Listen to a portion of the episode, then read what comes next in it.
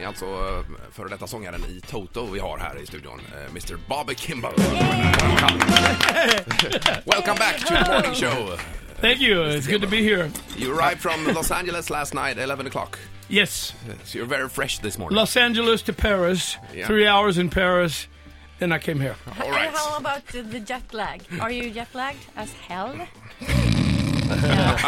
But it, it's early in the morning. You are a mus- mu- musician, or uh, and you are this uh, full of energy.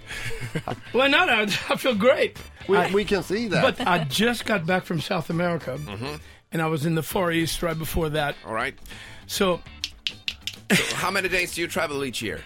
how many days am I home each year? I'd say about one one and a half months. I'm at home. Okay. And The rest of the time, I'm on the road. All right. I- And it's with uh, Toto uh, most of the time, or no? It's not ever with Toto. Okay. I have my own band. Oh. Yeah. and they're right here. All right. Yeah. Uh, but it's Toto songs, i- isn't it? Toto songs. Yeah. You know, the ones I sang, um, nobody knows these. Uh, Africa, yeah. Hold the Line, Mm-hmm. Yeah. Rosanna, Yeah. you know. But I sang a lot more. So uh, tomorrow night in uh, Gothenburg, you're going to play at uh, Sticky Fingers uh, at Absolutely. 10 o'clock. En man som inte bara brinner för sången utan även för hundar. Yeah, you love dogs, Mr. Kimball. I do. Yeah, and And- uh, it's uh, it's going to be a This team. is my project. Uh, all right. Uh, Canine. Saving canine lives. Canine means dog. okay. So tell us about, uh, about the project. It's going to be a TV show, isn't it? It will be. Yeah. And we're going to save thousands and thousands of dogs. Mm-hmm. Uh, we already have saved hundreds and hundreds.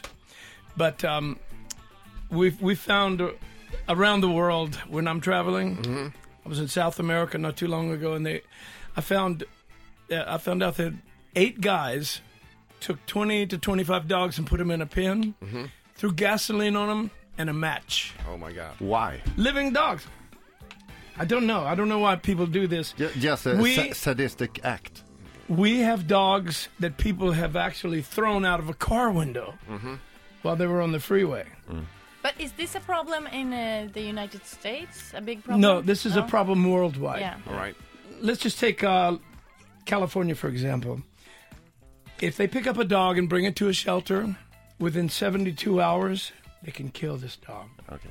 We have 150 rescues beneath ours, Mm-hmm. and and um, if if we don't if we don't have enough people um, to uh, to take care of the dog until it's adopted, Mm-hmm. we call the other 150 rescues. They come in, pick up the dog, and it gets saved within 10 hours. All right. That's It's great. like a big network.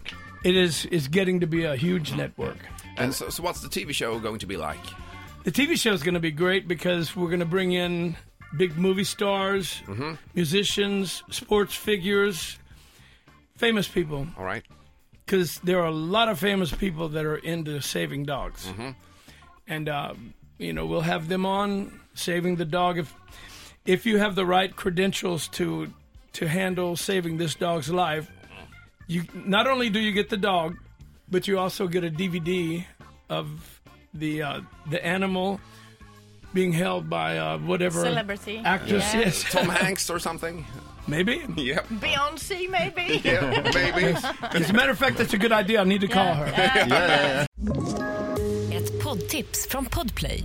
I fallen jag aldrig glömmer djupdyker Hasse Aro i arbetet bakom några av Sveriges mest uppseendeväckande brottsutredningar. går vi in med hemlig telefonavlyssning och, och då upplever vi att vi får en total förändring av hans beteende. Vad är det som händer nu? Vem är det som läcker? Och så säger han att jag är kriminell, jag har varit kriminell i hela mitt liv men att mörda ett barn, där går min gräns.